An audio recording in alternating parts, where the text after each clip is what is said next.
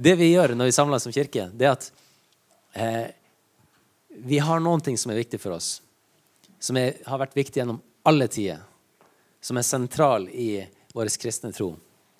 Eh, og så har vi ting vi gjør som er mer tradisjon. Det å drikke kaffe. Kirke har ikke i alle tider drukket kaffe. Eh, kirkekaffe er en herlig ting. da, Jeg er helt enig. Det er som en god forrett.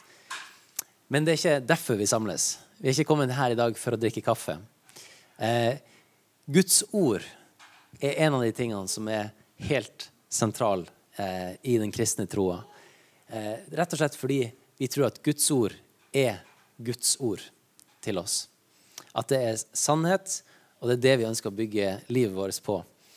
Så når vi samles til gudstjenester, så, så gjør vi mye. Vi, eh, av og til så spiser vi lunsj, vi spiser litt kake, drikker kaffe, eh, snakker sammen, deler liv. Vi tilber. Det er en annen viktig, essensiell del. Det å, å gi ære til Gud. Synge takk til Han. Og be. Men Guds ord er Vi kommer ikke utenom at Guds ord er selve hovedretten. Det er det, er det som Hvis det ikke hadde vært for Guds ord, så hadde vi vært en, en eh, liten klubb eh, som var samla her. Men vi er noe mer enn det. Vi er en menighet. Vi er en kirke. Altså det Bibelen beskriver som en kropp, en familie, et hjem. Eh, mange andre bilder brukes på, på, det vi er. Men det er fordi vi har Guds ord som forteller oss om hva, eh, hvordan jorda ble skapt, hvordan vi er blitt til hensikten vår med det livet som Gud har gitt oss. Og alt, eh, alt egentlig står og faller på, på Guds ord.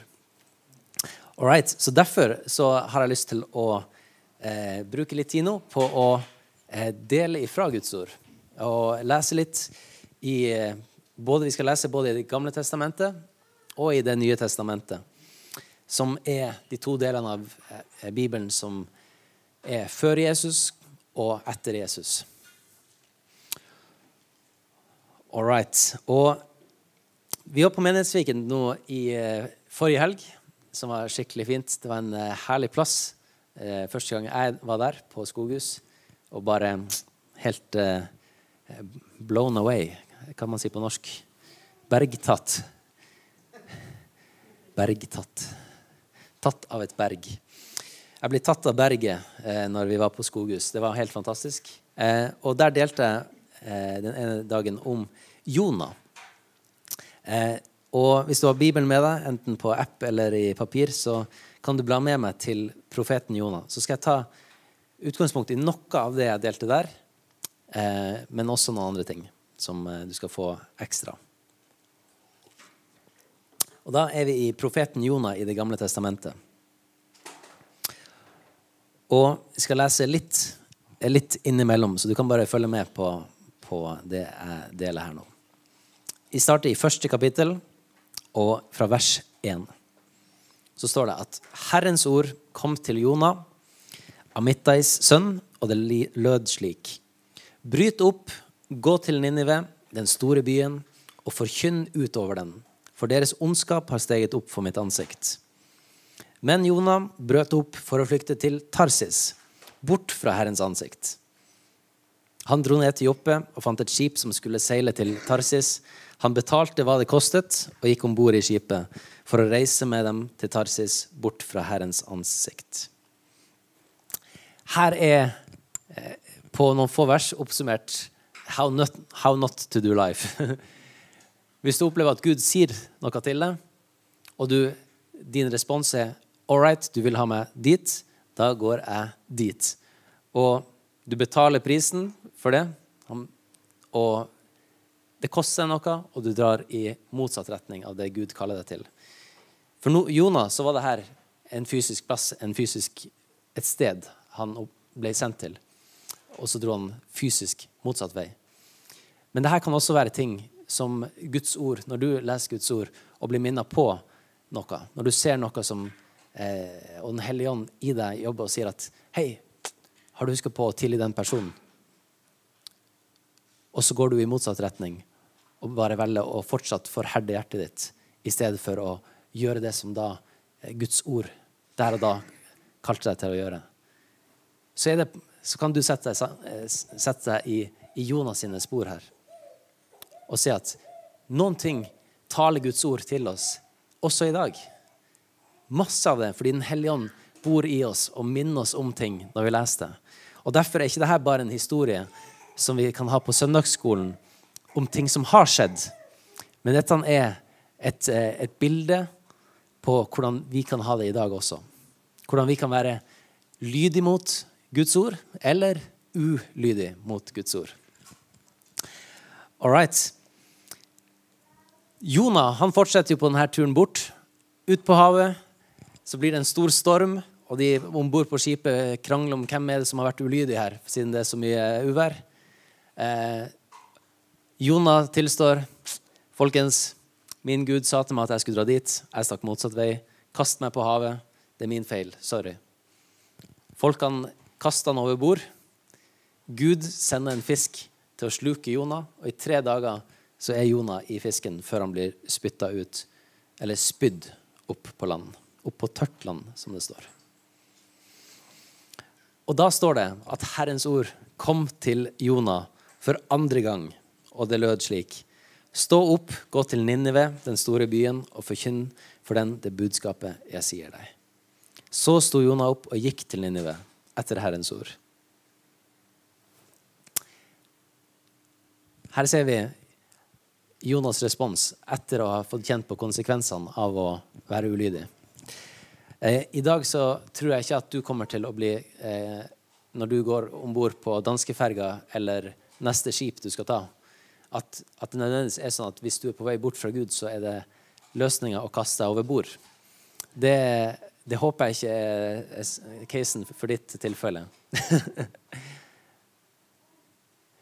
for det er en veldig spesiell historie der. Men den sier noen ting til oss. Og jeg har lyst til å Med det i minnet så skal vi bla over til Det nye testamentet i Matteus 7. For der holder Jesus på å runde, runde opp, eller avrunde, en, en, preken som han hadde. Som vi kaller bergpreken fordi han holdt den på en, et berg, en, en, klippe. Ikke en klippe, men et fjellparti, da. Og etter å ha talt en god stund så runder han av med å si det her fra vers eh, kapittel 7 og vers 24 i Matteus evangelium. Da sier Jesus.: Derfor, vær den som hører disse mine ord, og gjør etter dem. Ham vil jeg sammenligne med en klok mann som bygde huset sitt på fjell. Regnet øste ned, vannflommene kom, og vinden blåste og slo mot dette huset. Men det falt ikke, for det var grunnlagt på fjell. Vær den som hører disse mine ord, og ikke gjør etter dem, ligner en uforstandig mann som bygde huset sitt på sand. Regnet øste ned, vannflommene kom, vinden blåste og slo mot dette huset. Det falt, og fallet var stort. Da Jesus hadde endt denne talen, var folket overveldet av hans lære. For han lærte dem med myndighet. Jeg synes det, Den bergpreken det, den anbefaler jeg deg å lese jevnlig. Det er de første kapitlene i Matteus, fram til vers 7 der. Kapittel 7. Og fordi Jesus han bretter ut ganske mange, eh, ganske mange ting som har med Guds rike å gjøre. Hvordan vi, hvordan vi, skal tenke om Gud. Og så sier han her på slutten da, at, at alle dere som har hørt eller alle, alle, som er her i rommet i dag. Alle som har lest de her versene i, i, i Guds ord før. Nå har du hørt noe. Men det er forskjell på å høre og å høre. Det er forskjell på å se og å se. Fordi man kan høre uten å egentlig høre og oppfatte. Ofte så er det sånn at man, ting man hører hvis du, hvis du, er litt sånn uoppmerksom i samtale med mennesker, så kan du, liksom, du kan se på folk at ja, du hører, men du hører egentlig ikke. Det du sier, bare går rett gjennom hodet. Det er sånn inn det ene og ut det andre like etterpå. Og Jesus sier at mange av dere som har hørt det som jeg har sagt i dag, kommer ikke til å gjøre etter det. Fordi hvis du skal gjøre etter mine ord, så har du også først måttet hørt, og virkelig hørt, og tygd litt på det. Tatt det til deg. Men så kommer Jesus med et fantastisk løfte. da. For han sier at, at hvis du har hørt de her ordene, og velger å gjøre etter dem Sånn som når Jonah, når han var lydig, når han hørte Herrens ord, og så gjorde han som Herrens ord. Da gikk han i den veien han var kalt til. Og da har vi denne løftet. At regnet eller vannflommen og vind som slår mot huset, det skal ikke falle, fordi det er grunnlagt på fjell. Og det her berører fundamentene, fundamentet for troa vår. Noe sånn, i, I går og i forgårs så var vi på hytta, og der holder vi på å bygge en garasje. Det, vi har holdt på ganske lenge, så vi, det her kommer sikkert til å være en illustrasjon i mange tiår framover. Men der, er det, der vi holder på å bygge, så er det litt leire noen plass. Og da er det ekstra viktig å passe på at du fundamenterer riktig rundt. Du, det er ikke sånn at du setter påler Vi setter ikke påler helt ned til vi finner fjell. Så vi er litt sånn ikke, Vi er ikke på shaky ground, men vi er oppmerksom på fundamentet som vi bygger på. Hvordan behandler vi eh, grunnen der vi bygger? Og i livet så må vi også behandle fundamentet vårt på riktig måte. Jeg tror Som kristen så er det kun ett fundament vi egentlig kan ha i livet. Og det er Jesus Kristus og det han har gjort for oss. Det er den personen som Jesus er, det han har gjort for oss gjennom å gi sitt liv for oss, det må være fundamentet for vår tro. Fundamentet i vårt liv. Og hvis det er det, hvis du, eh, når du våkner opp om morgenen vet bare at Jesus, han er min frelser. Jeg har gitt livet mitt til han. Jesus sier at den som gir sitt liv, han skal vinne det. Hvis du mister ditt liv, så skal du få det. Hvis du gir det til Jesus. Og jeg tror hver og en av oss må komme til den erkjennelsen. Og komme dit at Jesus Kristus han er mitt fundament i livet. Det Guds ord sier, det skal jeg ta for sannhet. Og det er utfordrende i, i den tida vi lever i nå, og det i og det har vært utfordrende i alle tider før. Det å være lydig og tro imot Guds ord. Eh, nå er det bare en litt annerledes tid fordi vi har Internett, i motsetning til i de 2000 årene før oss. Eh, og derfor er ting så veldig mye mer synlig og derfor får så mange flere mennesker en stemme som høres. Det var liksom litt annerledes når du på 1500-tallet var nødt til å hamre plakater på vegger for å gi liksom budskapet ditt. Da var det ikke like mange som fikk med seg eh, hva som foregikk. Men i dag så er vi rett og slett eh, Vi har så mye informasjon og så mange stemmer rundt oss at det er utrolig lett å bli forvirra eller å bli litt sånn overlessa. At du rett og slett blir litt metta. Du, du, vet kanskje ikke lenger helt hva du kan stole på. Kan du stole på en predikant? Kan du stole på det du ser på, på telefonen din? Kan du stole på den informasjonen som, som mennesker gir? Kan vi stole på Guds ord? Ja, er det korte svaret. Vi kan stole på Guds ord. Fordi det, det har holdt gjennom eh, alle år. Og det er sant, det som står her.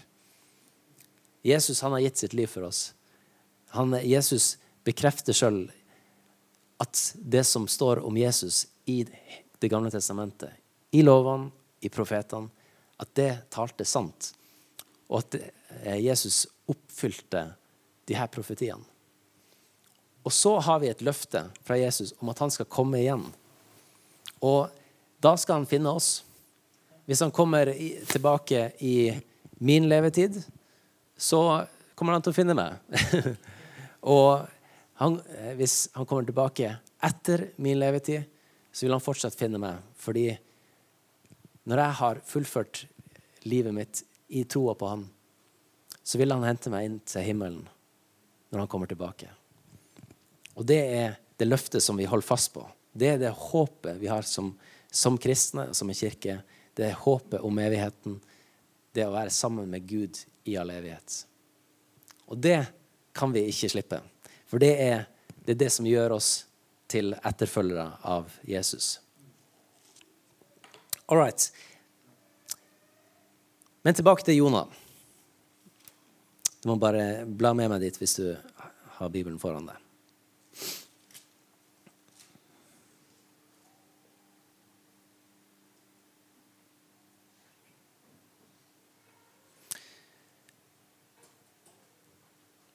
Så har jeg lyst til å eh, fokusere på en ting nå. Og det er Jonah. Han ble sendt til Ninive. Det var hovedstaden, eller en stor by for det asyriske riket. Og de holdt på med masse vold, og det var ondskap, og det var mye fælt som skjedde der. Eh, og Jonah ble sendt dit for å fortelle at byen kommer til å bli ødelagt pga. deres eh, ja, måten dere eh, driver vold og umoral og all ondskap. Dere kommer til å bli utsletta pga. det. Når de hører det, så vender de om. De vender om fra sin synd, akkurat som vi er kalt til å vende om fra våre synd når vi eh, får, eh, blir konfrontert med det. Det er sånn det står at de som hører evangeliet og vender om, de som venner seg til Jesus, de skal få frelse. Og det er det Ninive opplever her. De vender om. De slutter med det de holder på med. Og så står det at de, de kledde seg, de tok sekkestrie og aske og strødde på seg for å, for å sørge, for å søke Gud om tilgivelse. Og Gud gir tilgivelse. Han sparer Ninive. Han, han tar ikke og utsletter byen. Og Jonah blir sint på Gud for det. Fordi nå hadde Jonah blitt kasta i sjøen og vært tre dager i en fisk fordi Gud ville ha han til denne byen. Og når han først drar til byen og sier at byen kommer til å bli utsletta innen 40 dager, og så gjør ikke Gud det fordi de vender seg om, da står Jonah der. Gud, når du har gjort alt det her med meg, hvorfor kan du bare Hvorfor kan du ikke bare sende noe og knuse hele byen, liksom, sånn at det jeg ble sendt for å forkynne, ble sant? Fordi Jonah tenkte at det han sa, eller det han hadde stilt seg ut for å forkynne, det var viktigere enn hva Guds hjerte for hvert enkelt menneske var. Jonah stilte seg der et øyeblikk litt over Gud, for han tenkte at han hadde rett til å, å dømme det som skulle skje i Nineve. Men Jonah glemte at han var bare en budbærer. Jonah var den som var sendt av Gud for å, for å forkynne omvendelse, egentlig. Og så glemmer Jonas seg av og blir sint fordi Gud sparer dem. Og vi er nødt, på samme måte som Jonah ble sendt av Gud, så har Jesus sendt oss ut. Jesus sier at på samme måte som du, far, har sendt meg til verden, så sender jeg mine, altså disiplene, og oss ut i verden. Og vi er ikke forkynt Vi er ikke forkynt. Vi er ikke eh, sendt ut til å forkynne dom på den måten Jonah var i Det gamle testamentet, kalt til Ninive. Men vi er sendt ut i det som heter forsoningens tjeneste. Det betyr at vi skal fortelle om forsoning. Og forsoning handler om at det er blitt gjenoppretta fred.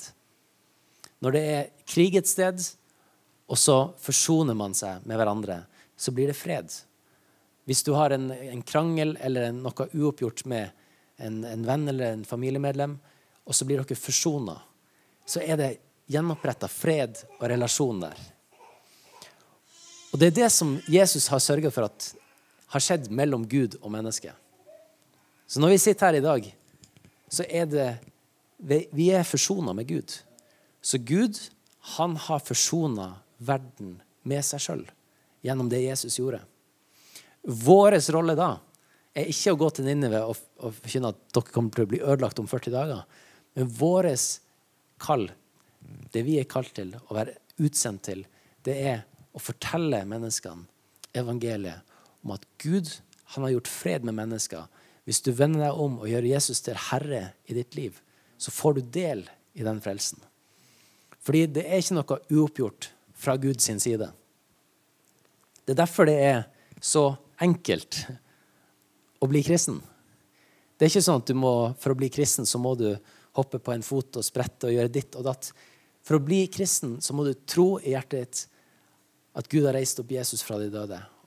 Og bekjenne at Jesus er herre i ditt liv. Og når du gjør det, så er det som at du signerer på en ferdigstilt kontrakt.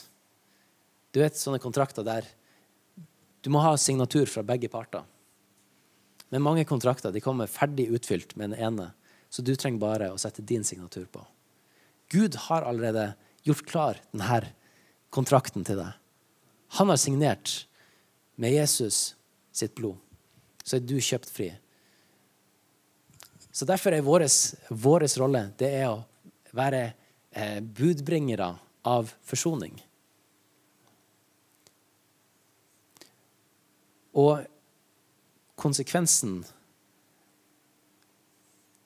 Konsekvensen av å, å være en, en budbringer det er rett og slett at vi skal få glede i livet. Sånn som Jonah her. Han ble sint. Han fikk sorg. Eh, ble fortvila. Men Gud, i fjerde kapittelet, så refser Gud han for det. Men vet du hva?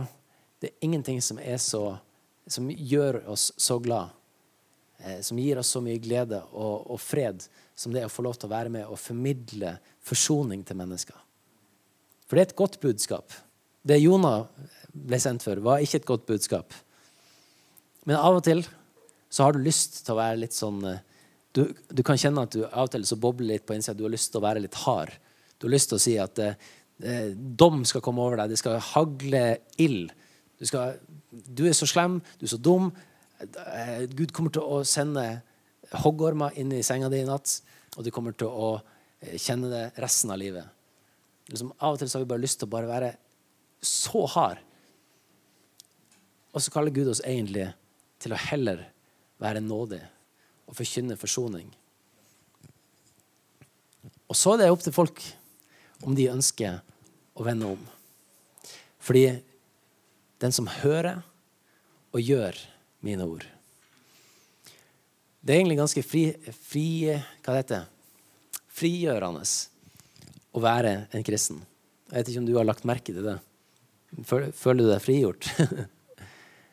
Vi har forskjellige historier. Noen har vokst opp i kristne hjem. Andre har eh, blitt kristen seinere. Og har kanskje en, eh, en, annen opplevelse av det livet man levde før man ble kristen, og det livet man lever nå etter at man ble kristen. Og det ser forskjellig ut. Men, men uansett så, så, er det eh, Hva var det jeg sa der, egentlig?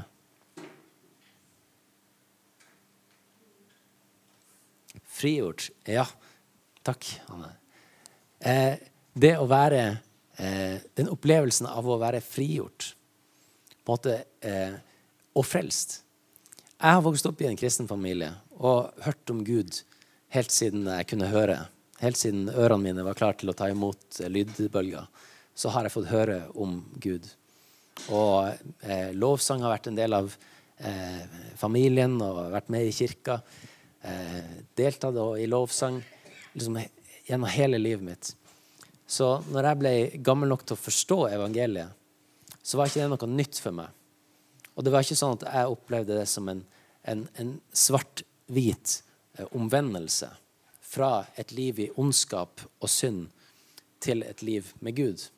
Fordi jeg fikk lov til å vokse opp eh, med god undervisning på søndagsskole og, og lære om om de her historiene om de trosheltene og de som har gått foran og, og lært om alt det Gud har gjort. Men allikevel så kan jeg med handa på hjertet si at i dag, selv om jeg har på en måte vokst, vokst i troa gjennom hele veien, så, så kjenner jeg på den, her, den frigjøringa og den, den, frelsen som jeg har tatt imot. Fordi den påvirker hver eneste dag i mitt liv. Når jeg står opp om morgenen så vet jeg at jeg har en fred på innsida.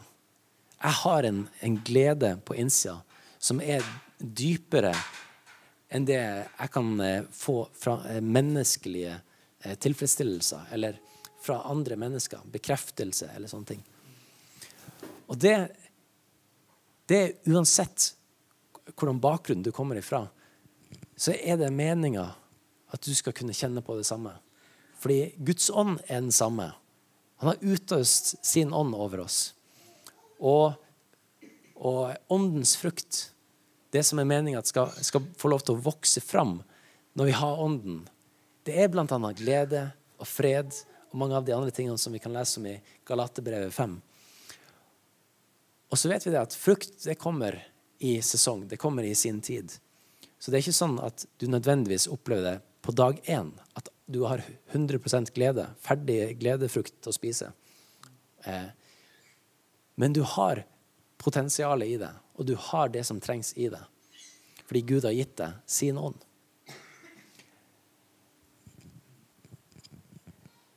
Så hvis du, hvis du mangler noen av de her tingene Skal vi bla dit og, og lese? Galaterbrevet, kapittel 5.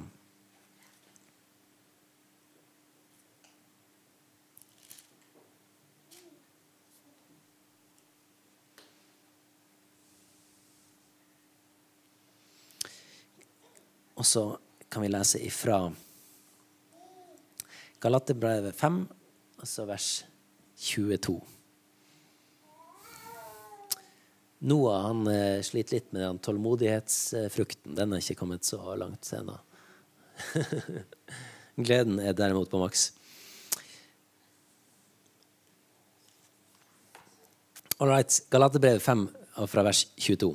Åndens frukt er kjærlighet, glede, fred, tålmodighet, vennlighet, godhet, trofasthet, saktmodighet, selvtukt. Dette er ikke loven imot. De som tilhører Kristus, har korsfesta kjøttet med alle dets lidenskaper og lyster. Hvis vi lever i Ånden, la oss da vandre i Ånden. La oss ikke trakte etter tom ære, så vi egger eller misunner hverandre. All right. De her versene er Problemet med, med gode vers Problemet med gode bibeltekster er at vi så fort eh, gjør de klisjé eller tar de for gitt. Og, og, vi henger de bare på veggen, og så glemmer vi av at de er ment til å være skrevet på hjertet vårt. og, og Galaterbrevet 5, 22, 23, 22, 23 er nok noen av de versene som, som egentlig Eller jeg, jeg tror de henger mer på veggen enn i hjertene hos mange. For de her versene er ment til å ikke være eh, bare sånn pynt med sånn snirkleskrift på sånn eh, ting du får kjøpt på eh, Hennes og Maurits Home eller noe sånt. Der det står 'Love' med sånn snirkleskrift. Eller 'Home'. Trenger man et skilt for å fortelle deg om hvor du er? Det, liksom, det, er ikke sånn at jeg har, når jeg kommer på jobb, så har jeg et skilt der det står 'Work' med sånn snirkleskrift, sånn at jeg skal vite. Ah, work. Jeg er på jobb. Mm. Hvis du har et sånt skilt, så må du gjerne beholde det, eller brenne det. Det kan du gjøre som du vil. jeg syns de er veldig fine.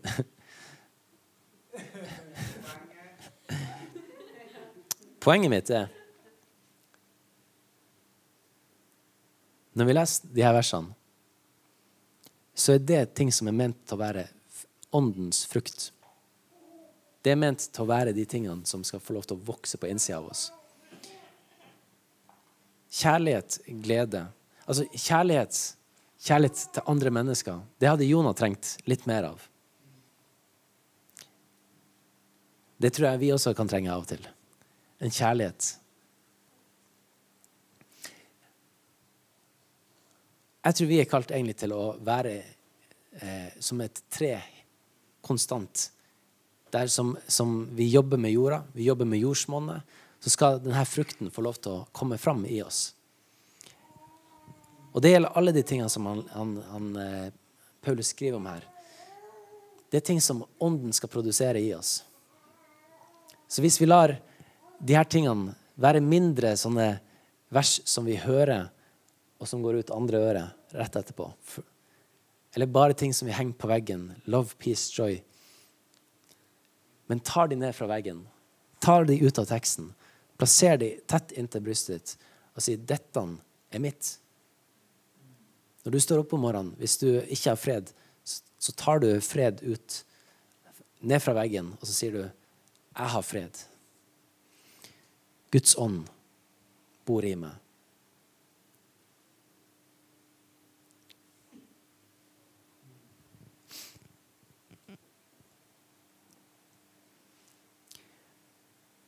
Når Jesus kaller oss til å høre og gjøre, og som vi har lest om Jonas som starta ulydig, men endte opp lydig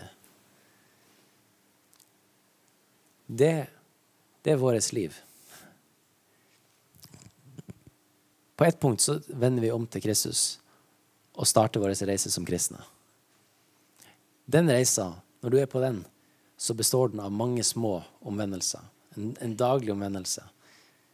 Det er ikke sånn her at vi eh, preker så mye om, om, synd hver uke. Eller er så, si, så opptatt av å, å, nevne spesielle ting. Fordi vi eh, i større grad tror at vi er kalt til å forkynne de gode evangeliene. Men det gode evangeliet er bare godt hvis du vet hva det er du hva som er, er motparten. Så i ditt liv så er det du sjøl som, som, vet det her best. Og Den hellige ånd er den som jobber i deg til å minne deg om ting som du trenger å vende om fra.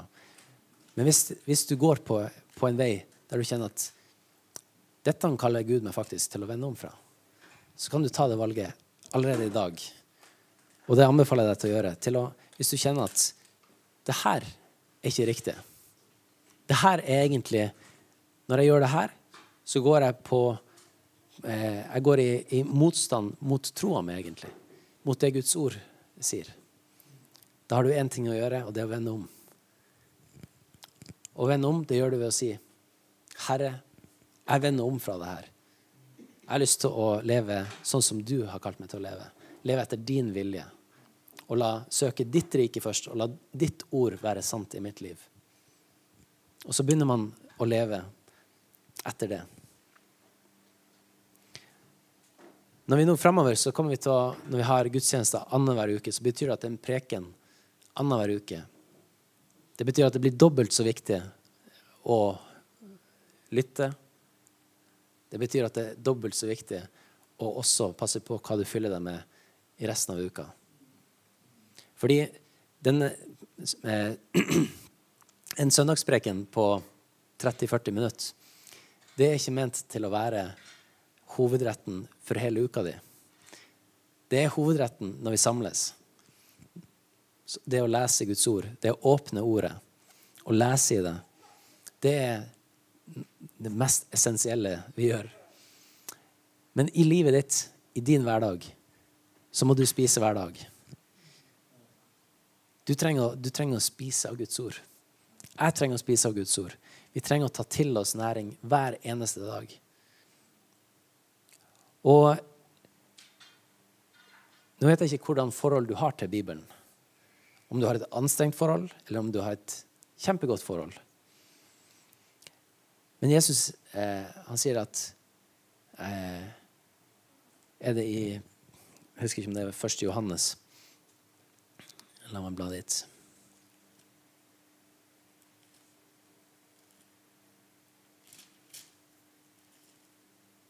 Det er et veldig godt vers, altså.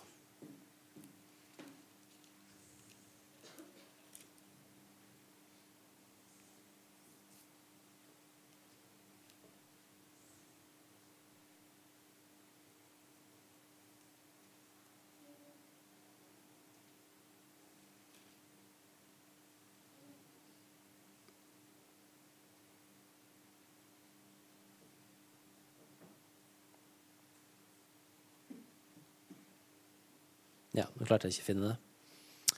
Men i hvert fall, han snakker om at eh, den som elsker han, elsker ordet. Vi skal kjenne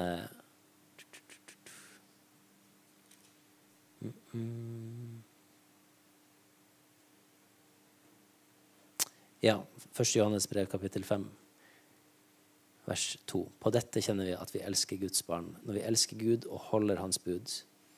For dette er Guds kjærlighet, at vi holder Hans bud, og Hans bud er ikke tunge å bære.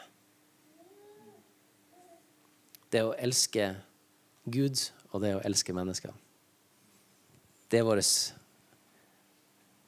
Det er vårt liv. Gud har kalt oss til å elske hverandre sånn som han har elska oss. Og Guds ord er måten Det ordet som han har gitt til oss for at vi skal kunne lese og bli kjent med ham på og ha et fundament å stå på i vår tro. Så vårt forhold til Guds ord vil avsløre også vår tilstand i forhold til vår relasjon med Gud. Så kanskje du trenger å ta et valg i dag om, å åpne Bibelen din og begynne å lese. Kanskje du trenger å ta et valg i dag om å, om å skaffe deg en, eh, en, bibel. Om å eh, Kanskje hvis du er holdt på å si Av og til så trenger man noe nytt fysisk for å, starte på nytt, eller starte på en bedre vei i det åndelige. Og Da kan det av og til hjelpe, og jeg har i hvert fall erfart det. Og Karina, kona mi, hun, hver gang hun har lest en bibel, så må hun kjøpe en ny bibel. fordi Nei, da var den gamle oppbrukt. liksom. Hun må starte på nytt. Det, jeg tror ikke det er noe, noe åndelig korrekt eh, eller noe sånt oppi det. Det er bare preferanse og eh, bortkasta penger. Men hvis du vil, så er det lov. Men skaff deg Guds ord. Ha tilgang på Guds ord. Og ikke bare på telefon. Fordi på telefon så får du eh, ikke den samme eh, oversikter, og du blir ikke kjent i Guds ord på samme måte. Det er som eh, på, eh, når du scroller i feeds på forskjellige sosiale medier, så får du, du får masse informasjon. På samme måte som du før fikk i avisa med sånne notiser. Men det som du får eh, når du leser det i fysisk format, er at du eh, Det ene er at du husker fotografisk hvor ting står. Det er ikke sånn at du husker all teksten, men du får et minne over det leste og det står der. Det har du ikke sjanse til på telefonen. Eh, du kan gjøre masse kult på telefonen med notater og merkinger og delinger og sånt, så det er kjempebra. Men det erstatter ikke det papiret.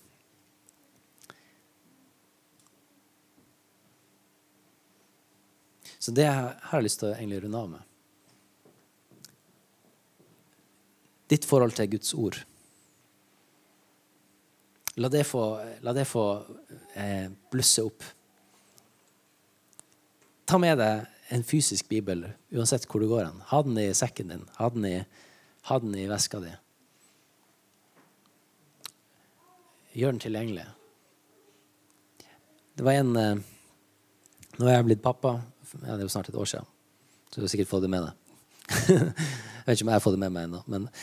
Eh, det var en, det var en eh, det var en, Jeg husker ikke om det var en podkast eller om det bare var et, et, intervju av noe slag. Men det var en, en pappa som ble spurt om, om, hvorfor han Ja, det var i forhold til det med digital eller papirbibel.